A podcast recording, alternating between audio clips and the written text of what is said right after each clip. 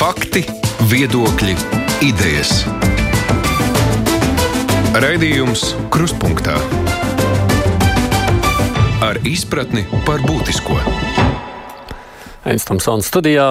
Šajā nedēļā vairums jauno ziņu bijuši saistīts ar vakcinācijas procesu Latvijā, gan neveiksmīgi izbraukumu uz sociālajiem centriem, tas kuslais vakcinācijas biroja darba sākums. Nu, Šķiet, arī pārnāšanas vērts ir ārlietu ministra teiktais, ka Baltijas valsts ministri vienojušies par darbu pie digitālās vakcinācijas pasas izveidas, ar to tad varēs ceļot starp valstīm. Šodien kruspunktā nedēļas notikums gatavo komentēt Delfi žurnālists Filips Lastovskis. Sveiks, Filip! Sveiki! Latvijas avīzes kolēģis Mārs Antonevičs. Sveicināti! Mūsu pulciņām pievienojies ir Aleksis Dunda no Latvijas televīzijas. Sveiki! Labdien! labdien. No, nu, man raidījuma partneri Mārija Ansona arī ir tepat sveika. Droši vien, ka vēl būs vērts pieminēt atvērtās skolas. Tur ir iecerts vērt vaļā tirzniecības centrs, jā, skaistumkopšanas salonus. Sāksim vispirms laikam par to vakcinācijas procesu. Jūs sajūtas, kādas pārņem tagad raugoties uz tām ziņām par vakcinācijas tempiem un par izdarīto māra tev kā dāmai priekšrokā? Man sajūtas nav būtiski mainījušās, jo vakcinācijas tempi visu laiku ir bijuši ļoti slikti. Un uh, komplektā ar to, nu, ka ir darbu sācis vakcinācijas birojas, un, kuram tā kā no, no, no vienas puses ir skaidrs, ka nav vakcīnu, nav tempu. Tajā pašā laikā nu, tās vakcīnas tā parādās, bet nu, no vakcinācijas biroja puses savukārt nenāk tāda ļoti skaidra. Um, nu, sapratne, nevis sapratne, bet skaidrojums par to, nu, kāpēc tie tempi ir tik mazi. Mēs visi redzējām to episko dialogu starp premjeru un vakcinācijas biroja vadītāju, kas arī nu, bija tā tāds. Uh, vakcinācijas procesa iemiesojums. Nu, visi kaut ko ņemās, un nekas īsti uz priekšu nenotiek. Nu, nekas jau nav mainījies, un pieminēja arī šis vakcinācijas pasas, lai varētu ceļot starp Baltijas valstīm. Nu, es nezinu, protams, tam, tam jau arī būtu jānāk komplektā ar pārliecību, ka vakcinēts cilvēks eh, slimību nevar pārnest. Bet šīs pārliecības tā kā nav, nu, tad eh, tā vakcinācija ir, eh, nu, pareizāk sakot, nav skaidrojums par to, ka, ka vakcinācija pasargās arī citus cilvēkus. Es, nu, es tajā visā to jēgu īsti ne, redzu nu, tikai tā, ka, ja, ja visi būs vakcinēti, epidemioloģiskā situācija uzlabosies, tas nozīmē, ka ceļošanas ar Baltijas valstīm tāpat varēs varēs palaist brīvāku. Un, Es nezinu, vai tur pa vidu ir nepieciešams ieviest vēl kaut kādas elektroniskās pasas, kas arī ir kaut kāda tāda liela, jauka rīcība, bet vai tam ir nozīme visā mhm. šajā procesā, man nav pārliecināts. No, nu, labi, tad pa, par tām pasēm mazliet vēlāk, sākumā par šo procesu kā tādu. Filipa, ko tu domā par visu redzēto un dzirdēto? Nu, tur droši vien nav ļoti ģeniāla atklāsme par to, kā aizvien ir haoss. Un Cita lieta ir tagad pēkšņi sākt meklēt kādus vainīgos, kas bija varbūt pirms uh, mēneša, kad, uz, kad uh, vakcinācijas birojas uzsāka darbu. Tagad uh, tas varbūt nebūtu pamatot, jo pāris nedēļās tur tādu hausu nevar uzreiz novērst. Bet uh, tās pazīmes par hausu aizvien ir, ir sabiedrībā liela neapmierinātība. Un, uh, Un, uh, mēs vienkārši visi gaidām kaut kādu mistisku brīdi, kad kļūs labāk. Bet nu, vienlaikus no valsts institūcijām šobrīd tādas pārliecības par koordinētu darbu nav. Nu, ja, tā sajūta jau bija tomēr. Nu, labi, veselības ministrs saka, nelieciet pārāk lielas gaidas no vakcinācijas biroja, bet Aleksei man vismaz tās gaidas bija skatoties uz to, ka nu būs, nu būs komanda, kas to vien darīs. Vēl tas tās manas gaidas, Aleksei, ir. Nu, man, man liekas, ka tas bija liela kļūda no jūsu puses. Gaidīt, jā. jā, tieši tā. Nu, nevar gaidīt brīnumu no, no vienkārši vēl vienas jaunas iestādes. Nu, viņa nevar izmainīt to sistēmu. A sistēma pie mums tiešām ir diezgan haotiska. Un uh, mans tas personīgais subjektīvais viedoklis, ka mēs esam tās sistēmas kilniekos un eh, ļoti, ļoti, ļoti grūti mierīgi uz to skatīties. Bet tad jau, ja iztiek izveidots birojs, kas man iedod cerības, un vēl sliktāk beigās es viļos, nu tādā ziņā, ka es vēl vairāk viļos, nu tad jau vēl draņķīgāk, ne? Ne viss. Nu, patiesībā Piedod, Aleksej, es, es pavisam ātri es gribēju teikt, ka ne visi ir slikti par vakcināciju. Tieši mēs paskatāmies decembrī. Ja decembra dati salīdzina, piemēram, ar janvāru, cik daudz cilvēku būtu gatavi vakcinēties, tad uh, kopējais procents ir nedaudz palielinājies. Varbūt, ka viss tas hauss viņa aizga paralēli kaut kā cilvēks motivē, tomēr pārdomāt tos izvēles. Piedod, Aleksej, es tev pārtraucu. Es, Nē, nē, man arī es, es, es arī neko tādu īpaši negribu teikt. Uh, bet, nu, vienkārši kā piemēru gribu pateikt par to, teiksim, numurs 89, 89. Birojas pateica, nu, ot, tagad varam zvanīt, pierakstīties un, un, un viss būs labi. Mana māte mēģināja sazvanīties ar šo numuru trīs dienas. Viņa neizdevās, jo viņa gaidīja 15, 20 minūtes. Ne, vienkārši ne, nevarēja izturēt. Un izrādās, ka tiešām tur pārāk maz bija to operatoru. Un uh, pieņema tikai katru trešo zvanu. Vai tas ir uh, no biroja bija gudrs uh, gājiens uh, atvērt to, uh, to, to numuru un, un, un ar tik mazo operatoru skaitu. Tas vienkārši vēl parāda to hausu. Protams, mums visiem jāgaida, kad tas beigsies, kad sistēma kaut kādā veidā mēģinās uh, uzlaboties, un uh, cerams, ka tas notiks. Bet ar katru nedēļu, ar katru mēnesi tas iet, iet, iet, un īstenībā nekādu tur īpašu pārmaiņu. Nu, Personīgi es nejūtu. Mm. Māri, vai tev ir lielāks optimisms varbūt nekā dažiem mums? Nu, es sākšu ar to, ko tu teici par tām gaidām. Tad jājautā, varbūt jāskatās tādā retrospektīvā atskatā, kāpēc tev tās gaidas radās. Man liekas, ka viens no iemesliem bija tas, ka Nu, tika ļoti skaļi pieteikts šis birojs un ļoti tādiem skaistiem vārdiem. Un, un ar lielām algām. Jā, tas bija nākamais. Vispirms viņš tika vienkārši ļoti skaisti izreklamēts, ka nu tik būs. Un, un, un var, var paņemt tos uh, Daniela Pauļu uh, citātus tā laika un salīdzināt ar to, ko viņš saka vakar vai šodien, ka, ka nevajag likt lielas cerības un ka nevar jau gaidīt. Nu, toreiz tur bija pavisam citi, citi citāti un citas, citas lietas. Tad sekoja šis, šis algu jautājums, par ko bija diskusija sabiedrībā un bija arī cilvēki, kas jūta tur zinām netaisnību, ka, ka daudz jau strādā šobrīd tādā režīmā, bet redz, atnāk kaut kādi profesionāļi un tam līdzīgi. Tas viss pamazām izveidoja to jau zināmo, es pat neteiktu, kaut kādu pozitīvās gaidas. Drīzāk, nu, tad paskatīsimies, kas viņiem iznāks, un, ja viņiem neiznāks, nu, tad kārtīgi tagad viņus. Un, un, un diemžēl tas scenārijs arī noticis, un, un pie pirmajām neveiksmēm ir nu, premjera neatminēt, un tas, protams, ir jautājumi ir jāuzdod, un tas ir loģiski, un ir atkal tā valdības sēde, kur mēs redzam, kāds viss notiek, mēs redzam, cik negatava ir. Uh, biroja vadītāji atbildot uz jautājumiem, cik neveikla ir viņas valoda, un, un tas viss kā eksplodē. Ah, mēs jau zinājām, ka tur nekas nebūs. Redz, kā viss ir ne, nepareizi, viss ir slikti. Manuprāt, ar šo biroju veidošanu pats par sevi ir. Nu, Vismaz kā tas notika, tika pielaista kļūda, un, diemžēl, Varbūt vakcinācija ceru cerēt, es varu ceru arī, ka uzlabosies viss tas process, bet ka to tēlu kopējo izdosies kaut kā uzlabot, un, un vai tas nekaitēs arī galu galā beigās šim procesam kaut kādā veidā, tādā psiholoģiski sabiedrības noskaņojuma ziņā. Man ir lielas šaubas. Manuprāt, tur kaut kāda kļūda strateģiski ir pieļauta. To var vērtēt, un, un, un tā, bet, bet nav labi. Draugi nav labi.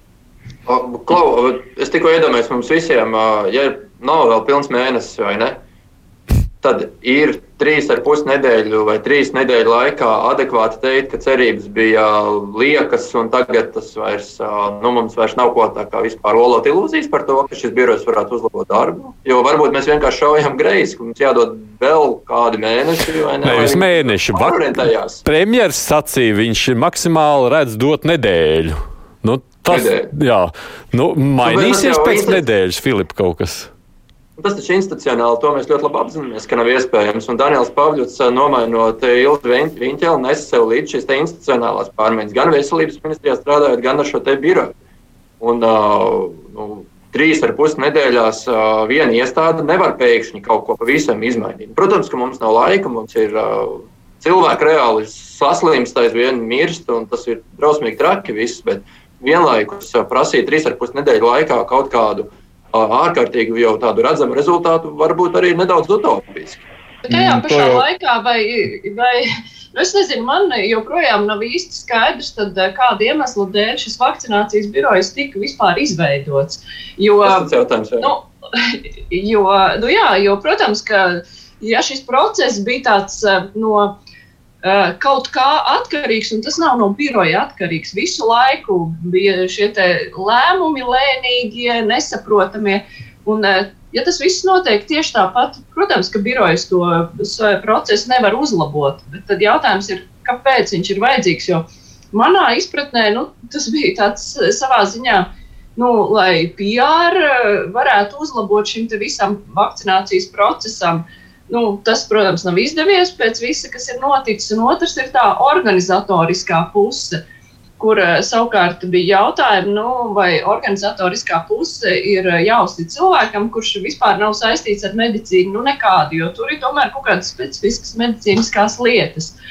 Nu, es nezinu, ka, jo, ja šie mērķi uh, nav tik līdz galam skaidri, tad uh, jautājums ir, nu, vai vajadzēja to biroju vai nevajadzēja. Jo redz, pagaidām tas mērķis izskatās vairāk pēc tā, ka mēs parādām, cik nopietni mēs pievēršamies šim procesam. Mēs izveidojam veselu biroju.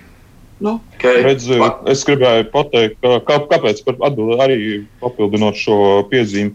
Tās gaidas un to, to ka nu, tagad viņiem ir jāsāk strādāt un uzreiz, un rezultāti ir vajadzīgi uzreiz, tos neradīja sabiedrība vai neradīja žurnāls. To radīja valdības, valdības vadītājs un veselības ministrs.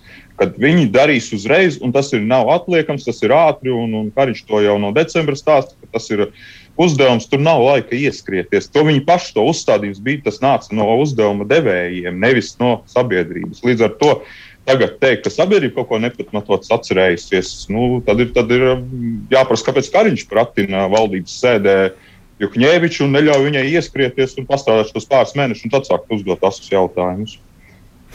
No te klausītāji saka, ka Ričs arī raksta, ka nu, šis birojs ir Pavļuta Zibens novedējis. Starp citu, mūsu kolēģi, kas intervēja Jokņēvičs kundzes žurnālā, ir arī līdzīgi kaut ko ir uzrakstījis, ka viņai tāda sajūta tagad ir radusies, lai ir ko vainot.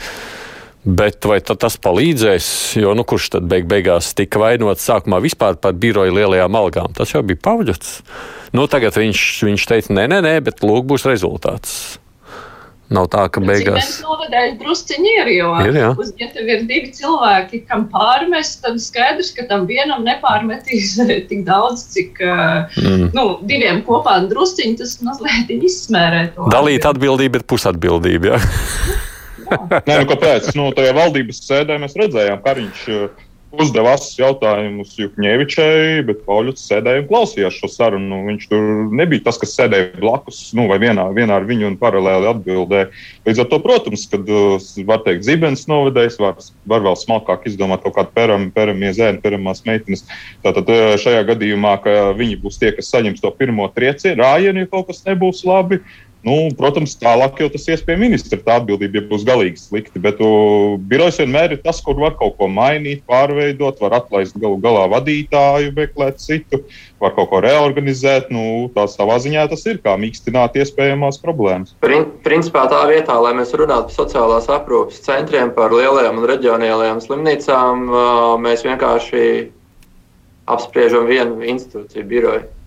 No. Man, lieka, man, man liekas, ka galvenā problēma nevis ka tāds birojs eksistē un darbojas kaut mm. labi vai slikti strādā, bet galvenā problēma, ka vakcīna nav.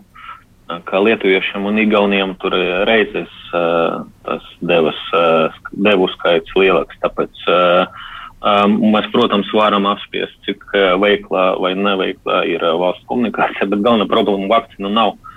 Un, un, un, un šeit uh, tomēr būtu labi tiešām pajautāt, nu, kurš, kurš pieņem tos lēmumus, kāpēc to, to atbildžu nav joprojām. Nu, šo jau mēs gan esam tad jau runājuši, vai ne, cik tas atbildības meklēšana arī ir gājusi raiba. Bet, ja vēl uh, tikai šajā vakcinācijas biroja kontekstā piebilstu, tad uh, mums pirmdien krustpunktā lielā intervija būs ar Eviju Kņēviču. Viņš šeit būs. Jūs varat mums palīdzēt klausītāji un arī kolēģi jautājumos. Ko tad man vajadzētu viņai pajautāt? Nu, iespējams, ka tas ir jautājums gan Jukņēvičam, gan mums pašam. Varbūt mēs esam nomaldījušies nedaudz tajos jautājumos, kas ir jāuzdod saistībā ar šo šī brīža Covid-19 situāciju Latvijā. Mm. Un tā vietā mēs esam, nu, kas tad Juhņevičs šajā gadījumā uzskatā, ir tie jautājumi, kas ir viskritiskāk šobrīd jārisina. Mm -hmm. Jo, nu, mēs viens vai šeit varam uzskatīt, ka, piemēram, kā Aleksis minēja par to, ka jā, jāskatās, kurš šā vakcīnas pasūtīja laiks vai nepasūtīja laiks, bet iespējams tam vispār nav nekādas nozīmes. Nu, šobrīd mums ir jādomā, kā vispār dabūt cilvēkus vakcinēties, kad sagaidīsim pirmā šīs vakcīnu lielākās krāsas un, un ko ar to iesākt. Nu, jā, Jautājumu pārdefinēšana mūsu puses patiesībā. Mm. Tas, ko savukārt Mārte ierunājās jau arī savā pirmajā komentārā par šo vakcinācijas pasēm, jūs redzat tam kādu saturisku jēgu, nozīmi, Aleksei, ka tādas tiks ieviestas?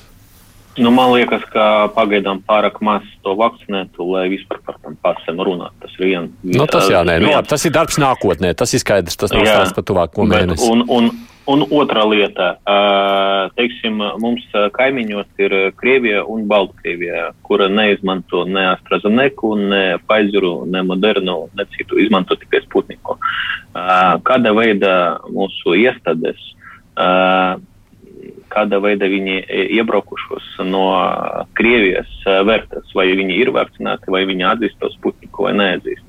Tas arī, manuprāt, ir ļoti liels jautājums kāda veida radīs, vai viņi ir vakcinēti vai nav vakcinēti, vai tas uh, būs salīdzināms ar tam Eiropas vakcīnām. Manuprāt, par to arī jāpadomā tagad, nevis kaut kādā. Nu, droši vien strādājot pie šī, es saprotu, Igauni būs tie, kas ir uzņēmušies iniciatīvu, lai izstrādātu visus šos principus. Varbūt labi, ka Igauni, ne ka mēs. Nu, jā, viņam ātrāk sanāks. Cerības varētu būt. Mārko, tu domā par šo? Nē, nu, saprotu, tās, tās tā ideja par to, ka vakcinācija būs tāds kā nu, pase vispār uz kaut kādu normālu dzīvi. Tā nav radusies Latvijā, bet nu, tur jau ir jau, jau dažas valstis. Dānija jau pie tā strādā jau aktīvi. Jā, jā. jā. Un, un, un, un dažas avio kompānijas pat ir paziņojušas, ka būs, saprotu, Austrālijas avio kompānija bija paziņojusi, ka obligāts nosacījums būs, tātad, lai lidot ar izmantot viņu pakalpojumus, vakcīnas. Uh, Nu, un, un savā ziņā tas var būt arī, pat, ja ir visādi jautājumi un šaubas, tas var būt arī tāds kā motivējošs papildus. Nu, kā burkāns, teiksim, ej vakcinēties, tad redzi, tu, tev būs iespējas uh, kaut ko vairāk izmantot nekā tie, kas nebūs.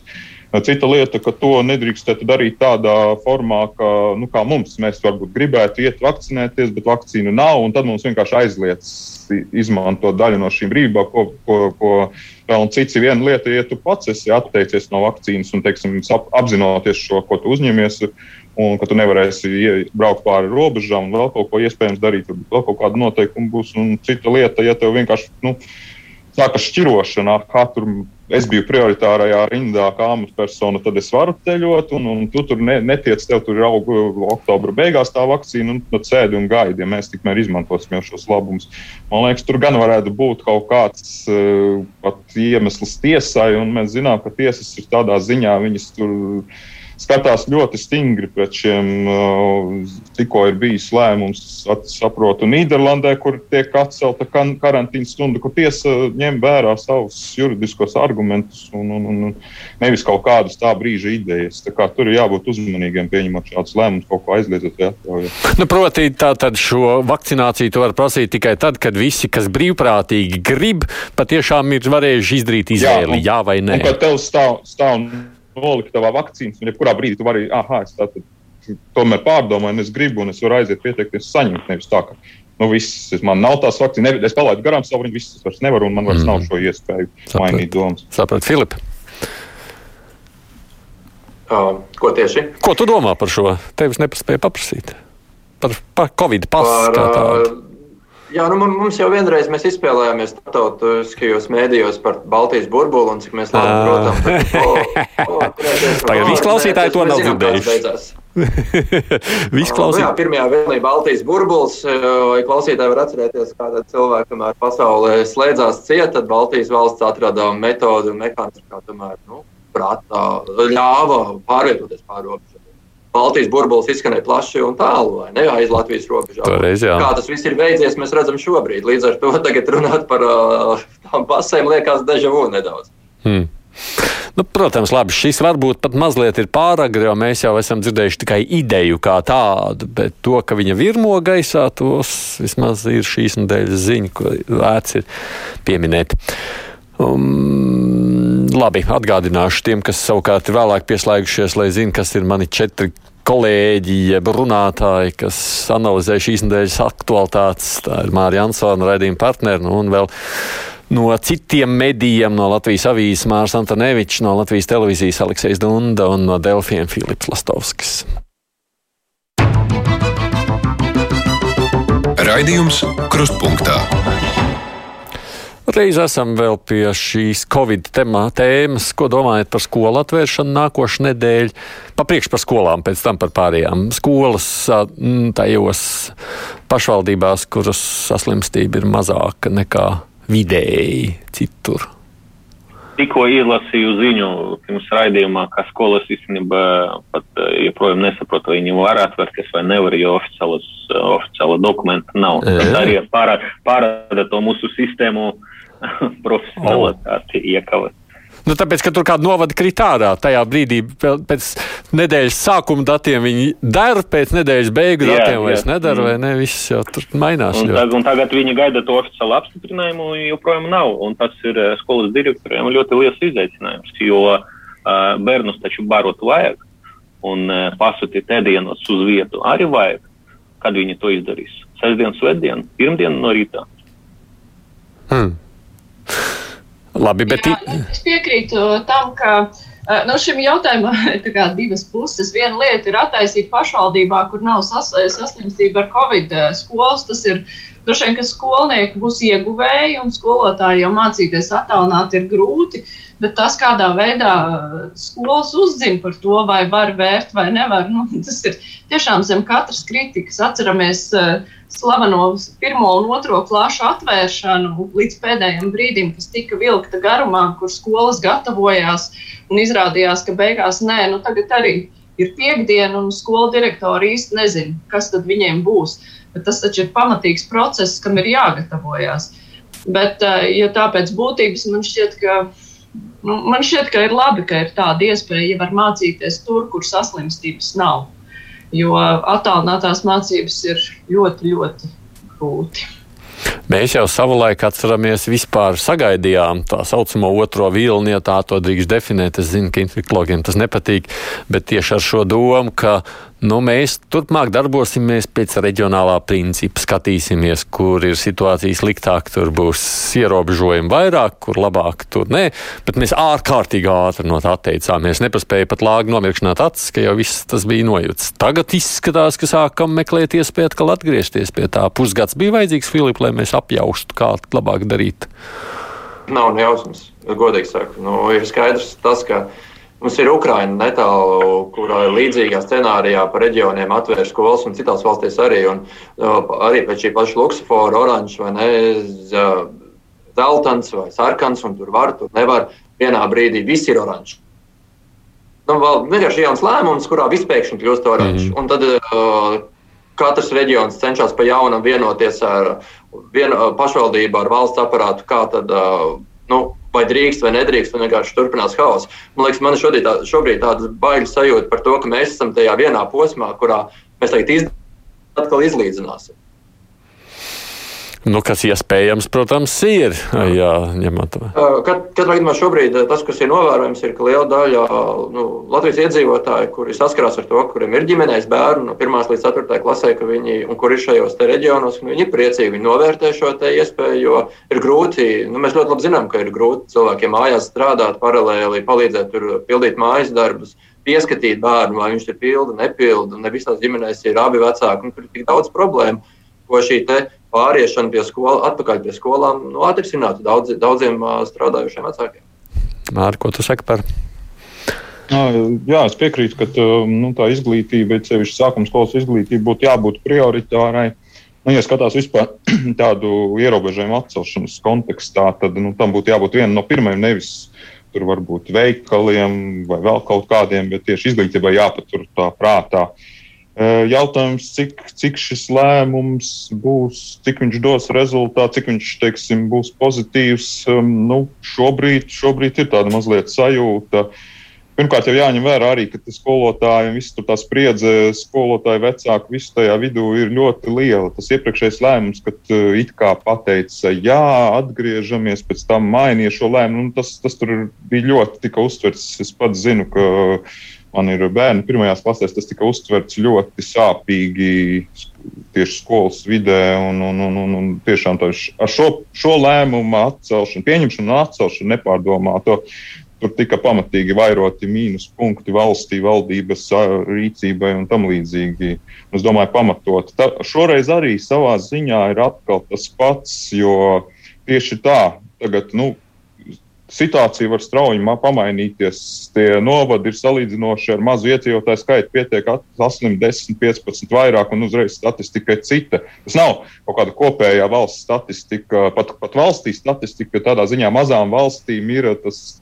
Tas slieksnis, viņi var strauji uzraugt uz augšu, un lielās valstīs ir jāsaslimst diezgan pamatīgam iedzīvotāju skaitam, lai šis rādītājs aiziet. Tad mazās tas ir uh, nu, mazāks skaits, kas var palielināt būtiski, un pašvaldībās tas ir vēl mazāks. Līdz ar to tā viss tiek norganizēts, lai nākamā nedēļa būtu mācības klātienē, pēkšņi tev pārskata rezultātus. Tu nevari tev ātri jāmaina visi tās sagatavojas, visas atpakaļ skolotājiem, visas stundas, ko viņi gatavojušies klātienē, ir jāpārskata un jāpārtaisa kaut kā attālināti, dubults, varbūt pat vēl, vēl smagāk, vēl, vēl trīskāršs darbs, kas viss ir jāpārtaisa.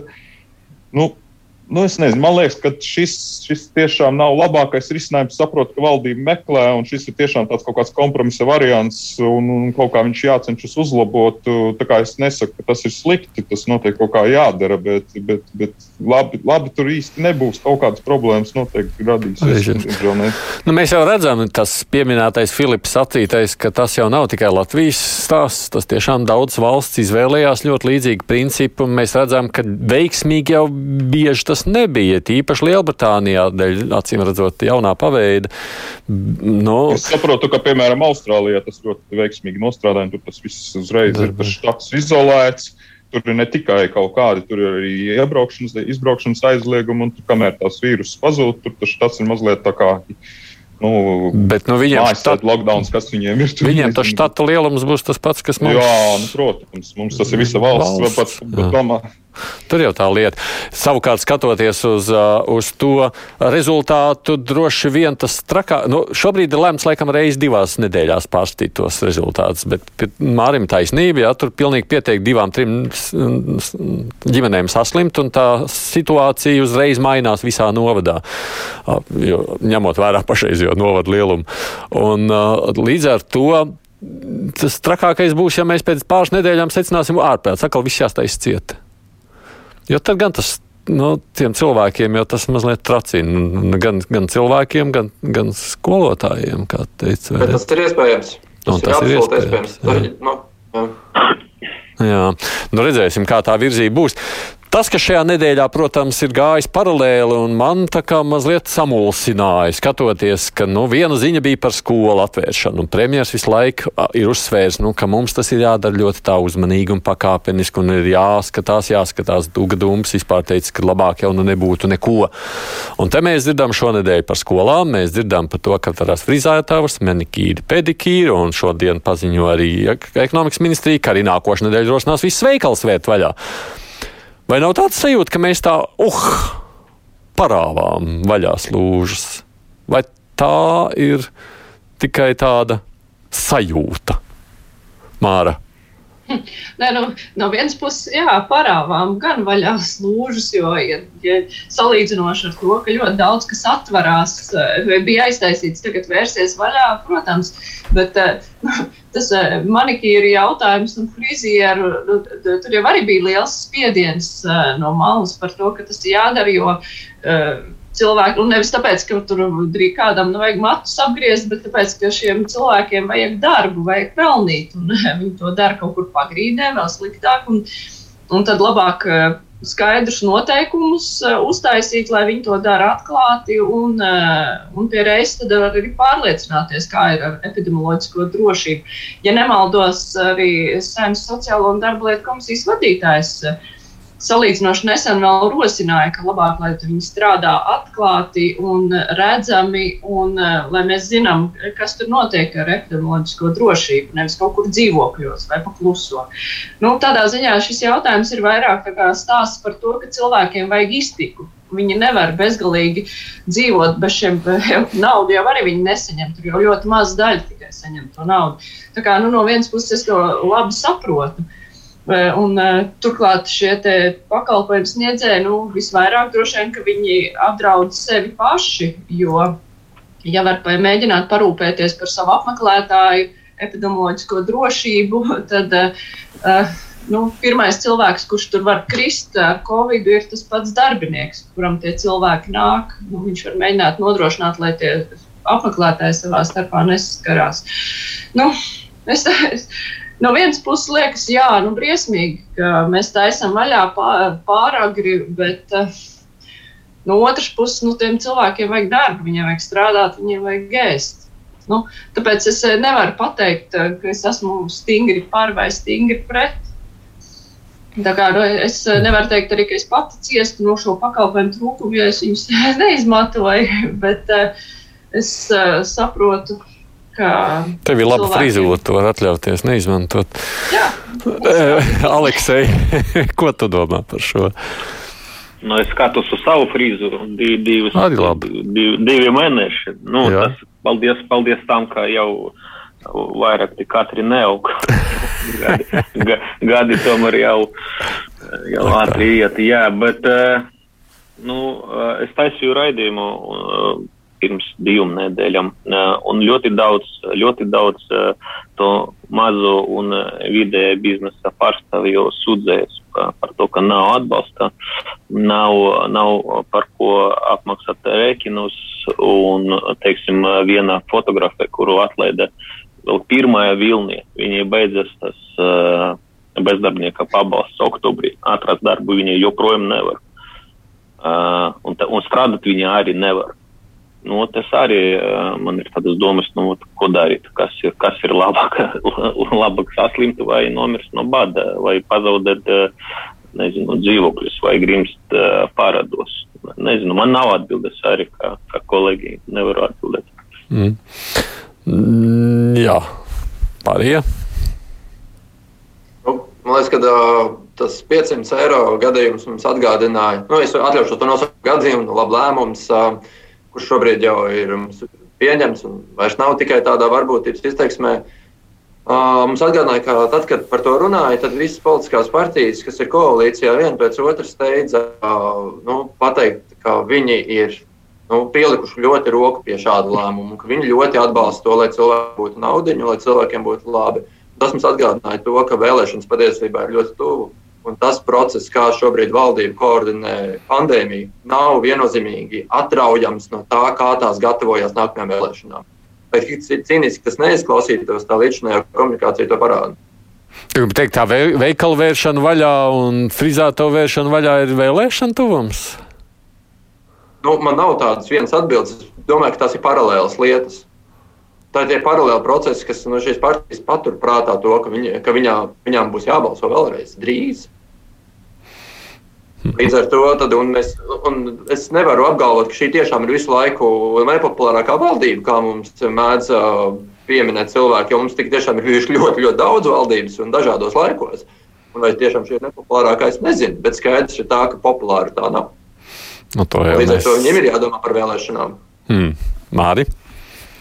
Nu, es kaut kā nesasaistītu to ar vēlēšanām. Iespējams, tur ir kaut kāda, kaut kam kaut kādas domas paralēli prātā. Ir, bet man liekas, ka vairāk tas ir tāds sajūta, ka tā sociālā spriedze un vispār spriedze sabiedrībā, dažāda veida spriedze ir ļoti pieaugusi. Un, un, un, un tur kaut kas slikts var sanākt, ja, ja turpinās šo spriedzi vairot vai, vai kaut kā necentīsies mazināt, un ar to es skaidrotu daudzus šos lēmumus. Uh, Un patiesībā es tāpat nu, neteiktu, ka man tā sajūta būtu, ka tur parāja visu vaļā. Manuprāt, tie ir ļoti piesardzīgi lēmumi, tie, kas tiek sen jau prasīti un apspriesti. Vienkārši nu, šobrīd tos piesardzīgi sāk pieņemt par tām frizētavām. Nu, tur, jā, tur ir jautājums, kā tas tiks. Uh, tā drošības visi noteikumi ņemti vērā un kā tas iztenot, bet nu, tas, tas, tas ka, tas, ka, tieši, ka šie cilvēki ja, paliek ar vienu, un skaidrs, ka tur kaut kāda sāpes sāk parādīties ar vien vairāk šo piemēru, ka tiek nelegāli tas viss darīts, tas noteikti nav labi. Un, un, kā kaut kas tur ir jādara, kaut kādi lēmumi ir jādomā, bet noteikti, ka vispirms vajadzētu nu, kaut kādai atziņai būt. Un es visu laiku gaidu, ka kāds ļoti skaidri pateiks, nu, vai tiešām šajās vietās ir bijusi saslimstība. Nu, labi, tie saloni bija cieti, bet runāsim par veikaliem. Tiešām vai ir pierādījumi, ka veikalos notiek plašas saslimšanas, nu, ka ir ļoti liels iespējas saslimt. To jau redzi ļoti grūti kaut kādā veidā pierādīt uh, no tāda nu, viedokļa. Nu, pierādīt, tāpēc, ka... pierādīt varētu būt, uh, pierādījums varētu būt veikalu darbinieki, kas tur ir visu mm -hmm. laiku, un cilvēki tur iziet cauri ļoti daudz, un tad paņem kaut kādu statistiku kopējo par saslimušiem veikalu darbiniekiem, tad varētu izdarīt kaut kādus plašākus secinājumus, bet, diemžēl, mums ne, mums vairāk tāda teorētiska stāsta, ka var, visur var saslimt. Kā, nu, kā mums saka epidemiologi, visur var saslimt, visur ir riski, kur tu tiecies kaut kādā veidā vai saskaries ar cilvēkiem. Piemēram, vakar, vakardienas lēmums par stingrākiem ierobežojumiem slēpošanai uz kalna un, un kameras šļūkšanu aizliekšanu, nu, man tas rada ļoti lielu izbrīnu, jo visu laiku mums bija stāstīts, ka ejiet ārā vairāk un tā. Un, un kalnu drusmešanās. Nu. Māri, es uh, nezinu detaļās palabo mani, bet nezinu, vai tu esi redzējis, kā Grīziņkalnā saulainā dienā izskatās uh, tās nogāzes, kur cilvēks šotas kalniem. Tur ir saspiests pūles. Uh, ja, jautājums, vai tas aizliegums attiecas uz tiem cilvēkiem, kas du... meklē mazus kalniņus un paši ar savām ragaviņām un visādiem tur mm. paliknīšiem šļūs, vai tas tomēr ir kaut kāds kameras šļūks un tas kaut kāds, man liekas, tomēr organizēts process. Līdz ar to organizētos procesus mēs vēl vairāk, valdība vēl vairāk ierobežo, ieliek, ieliek ar vien stingrāk, stingrāk, bet tur, kur tas notiek, kur cilvēki paši vienkārši dodas kaut kur, atrod tuvāku kalniņu un visi barātu šļūka, tur jau neko izdarīt. Protams, man garkal, garkalnē mums ir tāda bļoda saucās, tur vienmēr ir kāds 40-50 mašīnas, ja nevar būt, ne, bet tur gar, jāatrod, kur mašīnu nolikt, jo tur ļoti labi kalni, tur bērni labi izklaidējas, bet ir labi. Es, piemēram, mm. priecājos, bet, no, no otras puses, es saprotu, ka pēc pāris dienām sāk tā kā nu, šīs izklaides laikam ies mazumā. jā, kurā gadījumā cita lieta, ka cilvēki vienalga meklēs kaut kādas iespējas iet dabā, un ja dabā viņus mēģina ierobežot, nu, tad tas, tas tur jā, tad ir jautājums. Nu, Cik tālu mēs aizējām? Bet Mārcis Tad... pateica, Mārs pateica būtisku lietu par to, uh, par to, kur cilvēki vispār inficējas. Jo, cik es saprotu, tikai nu pat parādījās uh, ziņa, ka uh, Tagad sāks aptaujāt nu, darba vietas, kur tie cilvēki strādā, kuri inficējas. Jo eh, es nezinu, kāpēc eh, tie jautājumi par inficēšanos, nepareizāk sakot, tiks ap, ap, apjautāts, kur šie cilvēki strādā, lai varētu izdarīt secinājumus par to, vai ir kaut kādās darba vietās slikta situācija kopumā. Jo tā, tā tie vispārīgie dati par to, kurš ir inficējies mājās, kurš kaut kur nezinu, kur ka nu, tas nav sniedzis īpašu priekšstatu par to, cik bīstami ir, kur atrasties. Jo man ir aizdomas, ka tomēr tā lielākā inficēšanās var notikt kaut kur darba vietās. Jo cilvēks jau pats, jā, viņš var pateikt, ka, nu, es nezinu, bet ja taisītu kaut kādus datus, tad nevis prasīt, kur jūs inficējāties, bet vai jūs izmantojat sabiedrisko transportu, kur jūs strādājat un apkopot tādu informāciju. Es domāju, ka tā aina varētu veidoties pilnīgāk, jo nedomāju, ka veikali būtu tā trakākā vieta, kur inficēties, jo tur vienkārši nav tāda saskarsme cilvēkiem savā starpā. Nu, nav, nav, nav tik ilgstoši. Tā jāsaka, tur attiecībā uz šo droši vien atkal jāpiemina šī pati sistēma. Un SPKC direktors sacītais, ka nu, jā, viņiem tā kapacitāte bija pārāk maza līdz šim. Viņi to bija prasījuši pavasarī, nu tad beigās decembrī valdība bija viņus sadzirdējusi. Nu, kas arī bija diezgan man pašam šķita dramatiska tāda atziņa, ka mēs nu, beidzot pēc vairāk nekā pusgada SPKC lūgumu bijām apmierinājuši. Aleksei, tu gribēji ko teikt?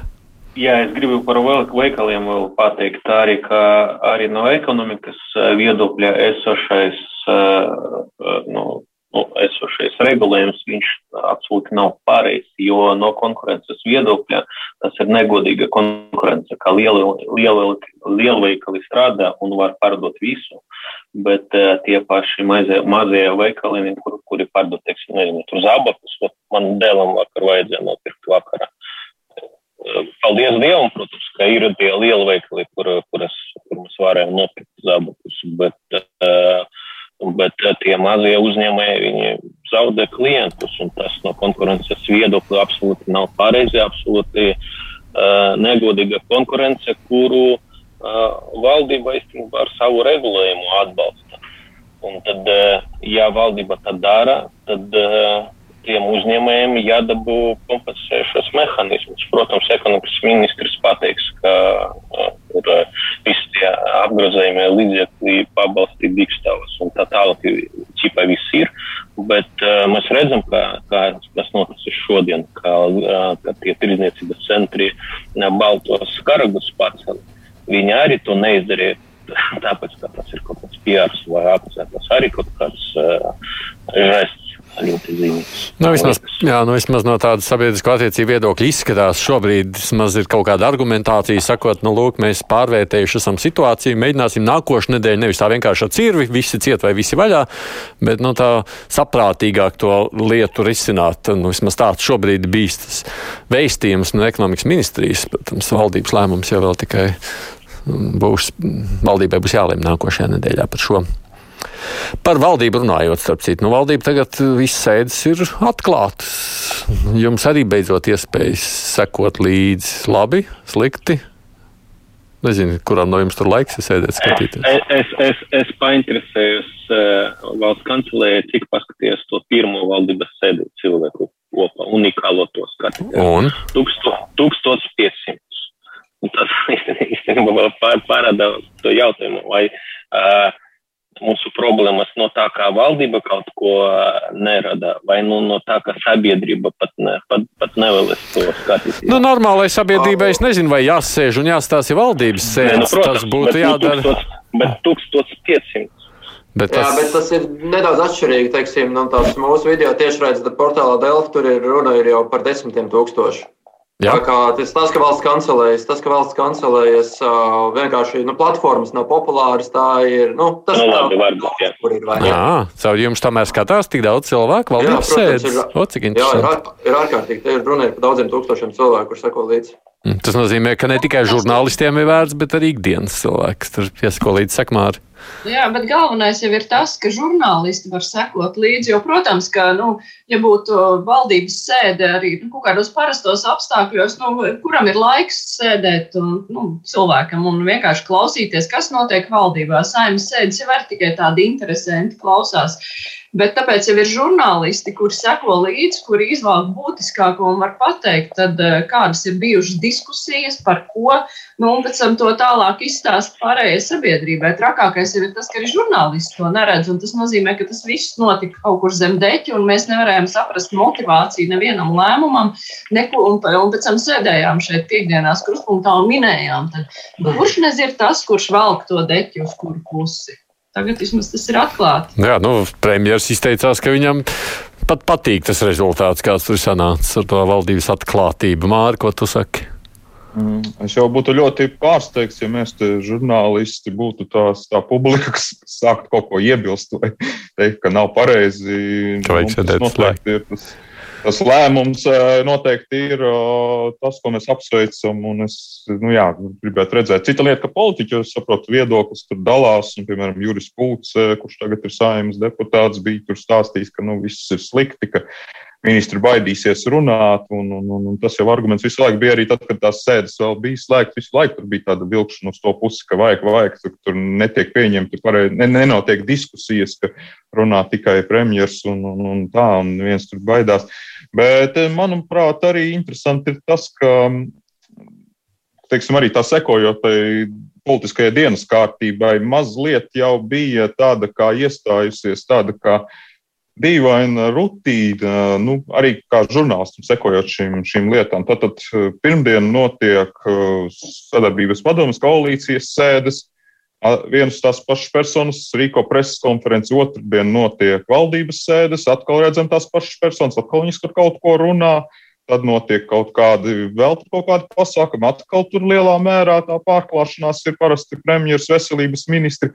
Mazliet tas jau radīja tādu ka, ka, nu, kaut kā sajūtu, ka tu nesaproti vairs, ka tur ir tikai, tikai kaut kādas runājošas galvas, ka tu vairs nejūti, neredzi to procesu. Un šajā ziņā tas, man liekas, ir ļoti labi arī lai kāda tur tā kvalitāte būtu tām valdības sēnēm, bet tas tomēr rada iespēju, rada, rada to sajūtu, ka tiešām tur tie, tie jautājumi tiek lemti un ka tas nav tikai tā, kā atnāk runājoši galva un pastāsta.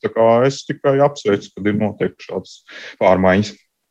Tas varētu palīdzēt valdībai mazliet atgūt popularitāti, jo šīs nedēļas ziņa, ka neusticēšanās valdībai ir viszemākajā līmenī šobrīd skatoties, ko viņi tur runās. Vienkārši tāpat pats par sevi diez vai. Bet, ja viņi tur pateiks kaut ko tādu, nu, labi, tas joks. Es nezinu, ko tagad ātrumā var pateikt tādu, lai cilvēki tā strauji mainītu viedokli. Vienkārši ir jāparāda, ka darbs notiek ļoti konsekvents, ka, ka lēmumi ir balstīti nopietnos un saprotamos argumentos, jo cilvēku neusticība valdībai jau balstījās visvairāk iekš tā, ka cilvēki nesaprata argumentāciju, kāpēc ir pieņemts tāds vai citāds lēmums. Jo, un, nu, kas šķiet nesamērīgi, ka tur ir kā, vadoties pēc vieniem principiem un cits lēmums vadoties pēc citiem principiem. Liena mums raksta, ka viņa vakar par skaistumu kopējiem esot noskatījusies valdības sēdi no A līdz Z. Veselības ministrs esot bijis redzams visā krāšņumā. Nu, cilvēks jau skatās un jau dara savus secinājumus, kā viņu uzrunā viens vai otrs ministrs. Tādā humoram tikai atkāpja Aija raksta, Aidi, man patika jūsu teiciens gan cilvēkiem, gan skolotājiem. Tā nebija domājis, es apvainojos.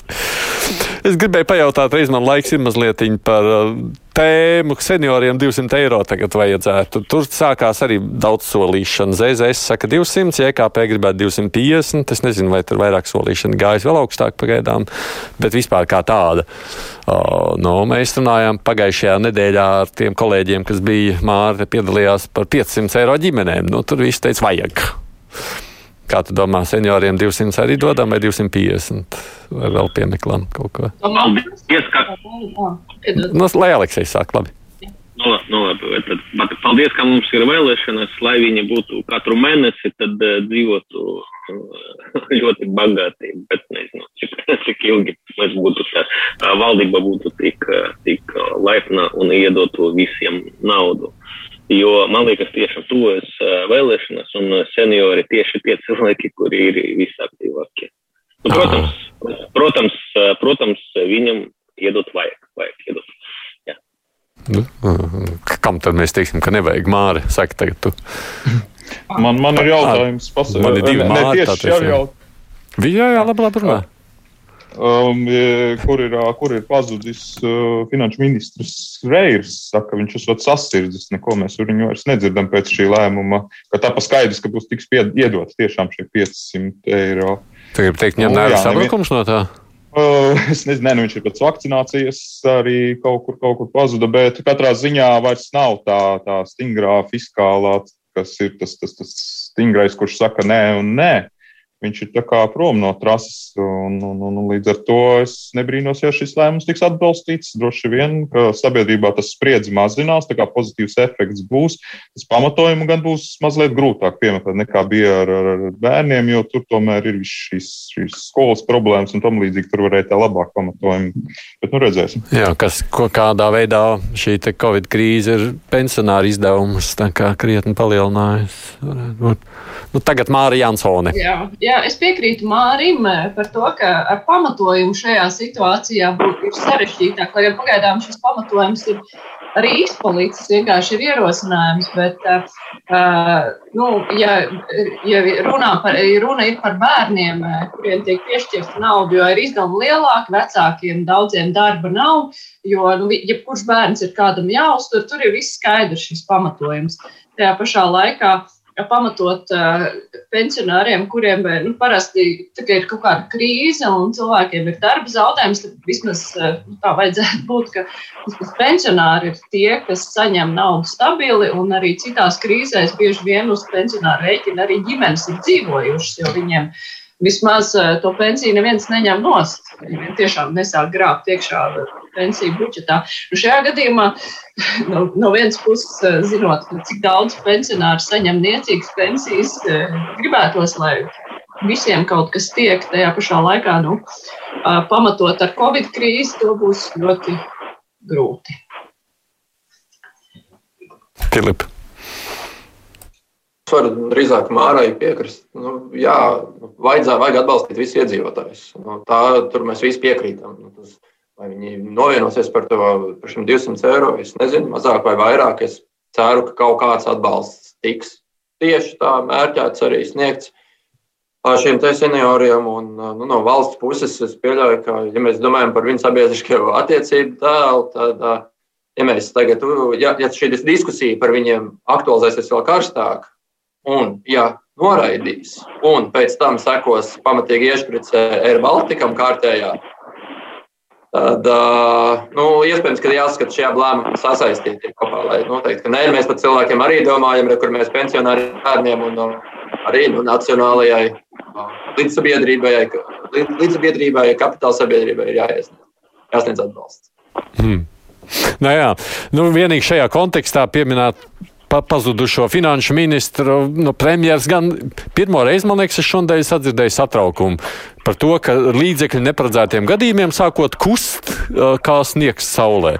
Hmm. Tā kā... Citu Aidi, es varu teikt, ka mēs interesējamies par finanšu ministru. Mums ministrijā teica, ka viņš šonadēļ vēl veseļos, nākamnedēļ vajadzētu būt. Jā, bet nu, pats par sevi jā, kā tāds nozīmē, ka premjeram arī ir tomēr raizes par to, ka tā nauda tomēr nav tik ļoti bezgalīga. Es saprotu, pieprasījumi esot uz cik tur septiņiem miljardiem, jā, ar pusi no ministrijām, kā viņas jau gribētu iztērēt. Aizņemtā nauda esot. Izdosies premjeram pieturēt šo apetīti, jūs prāt? Gan jau izdosies. gan jau izdosies. Tajā pašā laikā šis viss stāsts liks rūpīgāk, varbūt, nu, vajadzētu likt rūpīgāk domāt, ko darīt ar tālākajiem aizņemtajiem miljardiem, kas nāks no Eiropas atvesļošanās fonda. Nu, lai vismaz eh, to naudu ieguldītu tā prātīgi un uz nākotni, nevis arī tā.